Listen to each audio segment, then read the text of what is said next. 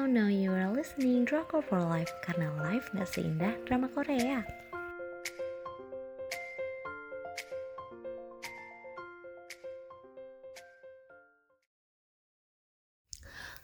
Review drama Korea 2521 bukan tentang happy ending atau sad ending drama ini. It's about realistic ending. Saluran penyiarannya TVN tanggal penayangan 12 Februari sampai dengan 3 April 2022. Jumlah episodenya ada 16 dan ratingnya dari aku tuh ada 4 dari 5.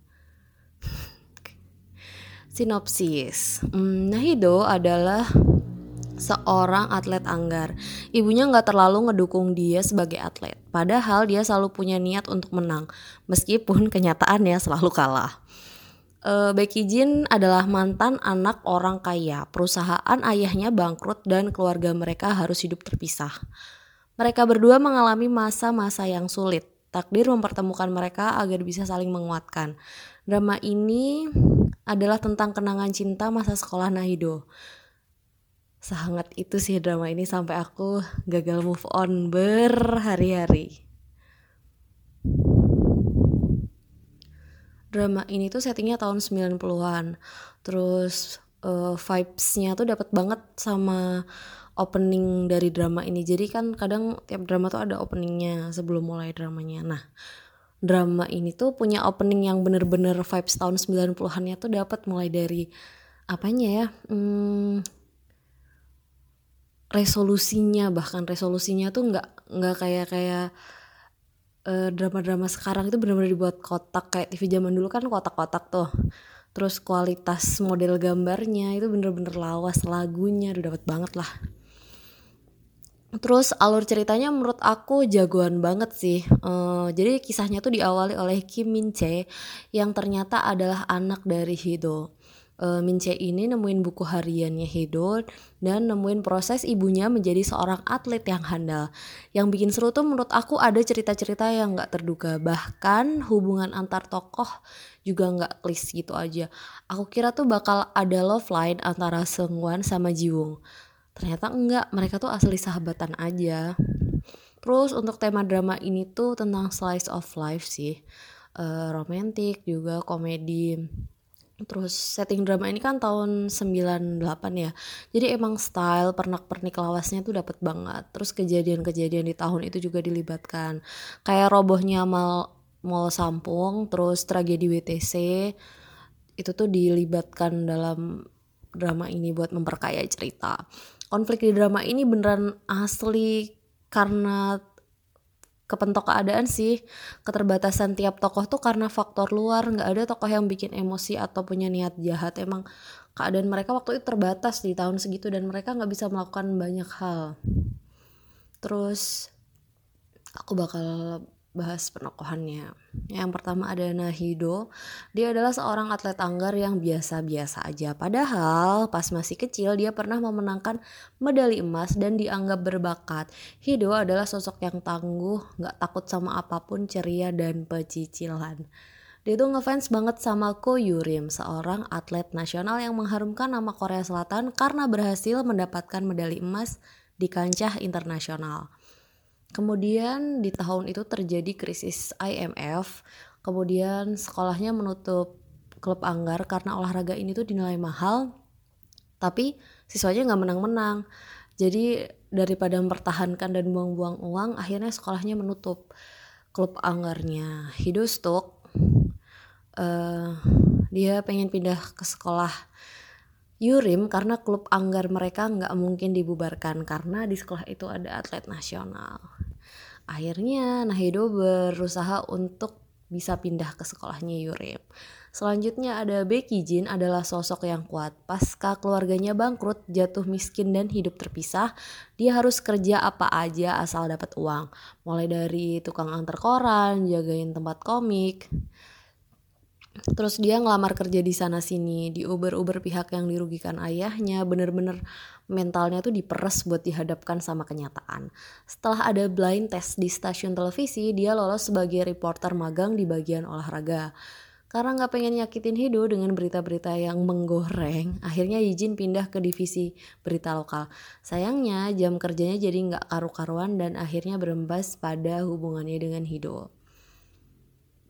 Bagi Nahido, hubungan Nahido dan Becky Jin tuh adalah pelangi. Bingung nggak tuh? Jadi emang awalnya benci-bencian. Tapi mereka berdua saling ketawa di masa-masa sulit. Akhirnya mereka saling uh, mencari mereka berdua untuk berbahagia. Dari situlah muncul perasaan. Masalahnya, Yijin ini adalah seorang reporter yang seharusnya menjaga jarak dengan subjeknya.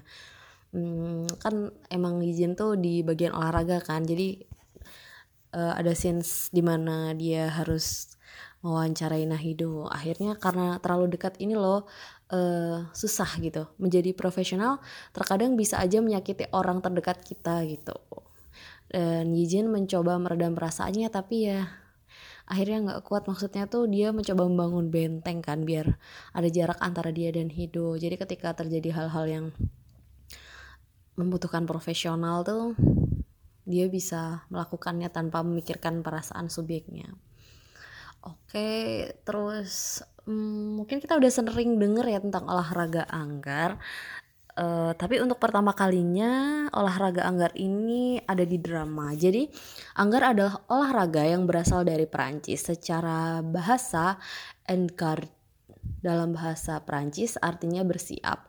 Anggar adalah ilmu bela diri menggunakan senjata yang berkembang menjadi seni budaya olahraga ketangkasan dengan senjata yang menekan pada teknik kemampuan seperti memotong, menusuk, atau mengikis senjata lawan dengan menggunakan keterampilan dalam memanfaatkan kelincahan tangan.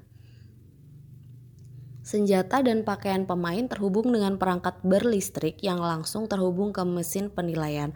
Bahkan pakaian anggar yang disebut lam juga memiliki permukaan logam yang mampu menghantarkan listrik.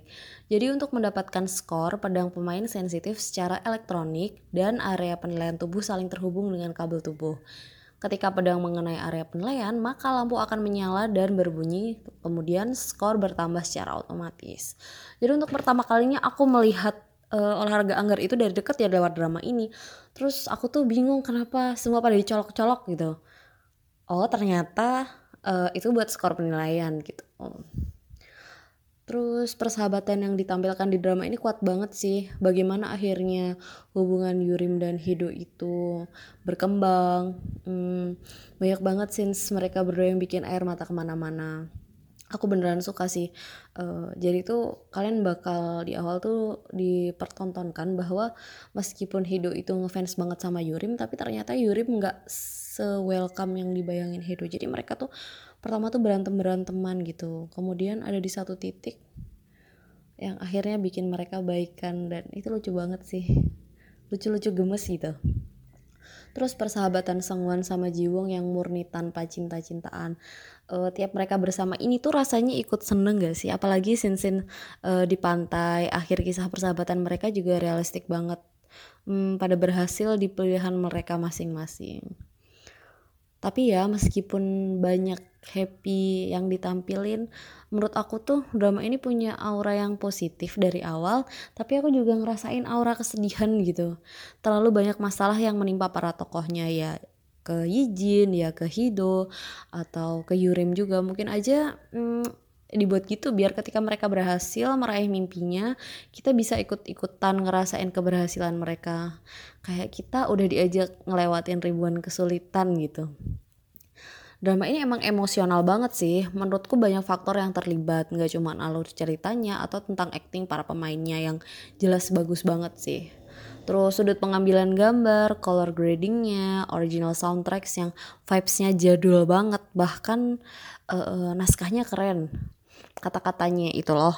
Aku kan uh, inget banget ada sebuah aku nggak inget lengkapnya sih cuman kayak intinya aku akan mengirimkan semangatku untuk mendukungmu di mana pun kamu berada. Itu kayak oh my god. Itu keren banget sih. Aku nonton ini tuh Jujur ya, baper berhari-hari ikut kangen Yijin, kepikiran, entah bagaimana kerennya drama ini bisa bikin koneksi yang kuat. Uh, jadi kita bisa ke bawah melo gitu loh, patah hati, kangen, uh, ngerasain apa yang Yijin rasakan atau Nahido rasakan. hmm, kayak aku tuh bahkan sampai selesai nonton drama itu ngerasain kalau Yijin itu adalah masa laluku yang aku sayang gitu tentang keputusanku selama ini yang aku lakuin ke Yijin, ke hidupku, ke Anggar kayak kadang aku bisa ngerasain perasaannya Hido tuh sampai segitunya senyata itulah sedihnya seikut patah hati itulah pokoknya. Uh, selesai drama ini berakhir waktu itu aku ke spoiler sana sini sih. Aku emang tipe orang yang bukan nonton drama ongoing jadi kadang ke spoileran adalah hal yang harus aku maklumi gitu jadi waktu itu aku tahu banyak banget yang nggak terima sama endingnya.